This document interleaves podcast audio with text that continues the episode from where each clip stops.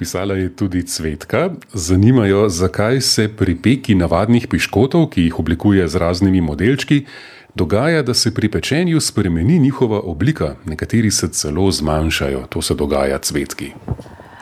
Ja, zdaj je odvisno, to je v sestavi testa, kako če damo kakšno rahljalno sredstvo, oziroma če je zraven mogoče pecilni prašek, če je soda bikarbona, naprimer, ali pa če tudi nič ni, a ne, ker so recimo ene linške oči, kjer ne dajem nič pecilnega, na primer.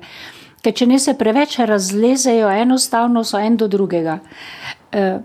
zdaj, to je od krhkega testa ali pa linškega testa majhno odvisno, če je malo pretrdo.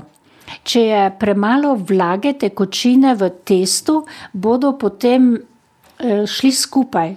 Se skrčijo, zožijo in prav robovi se močneje zapečejo. če je pa bil ta pecilni prašek zraven, je dobro, da ga kar z moko vred presejemo, da se čim lepše na suho porazdeli.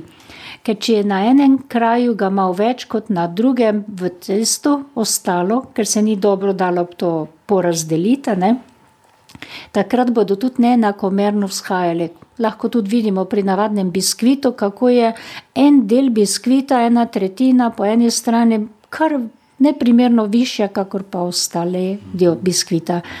Tako da pecilni z moko vred presejati in se na suho najbolj pomeša, porazdeli. Takrat gre bolj enakomerno, to je.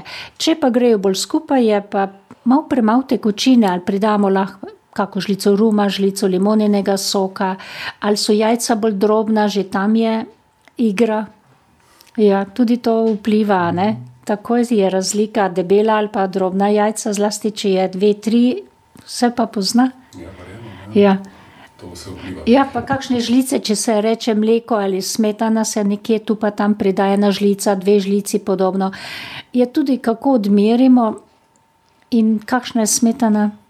Če je bogata, bolj mastna, manj mastna, to vse pol vpliva pri tejle peki, pri izdelavi naprej.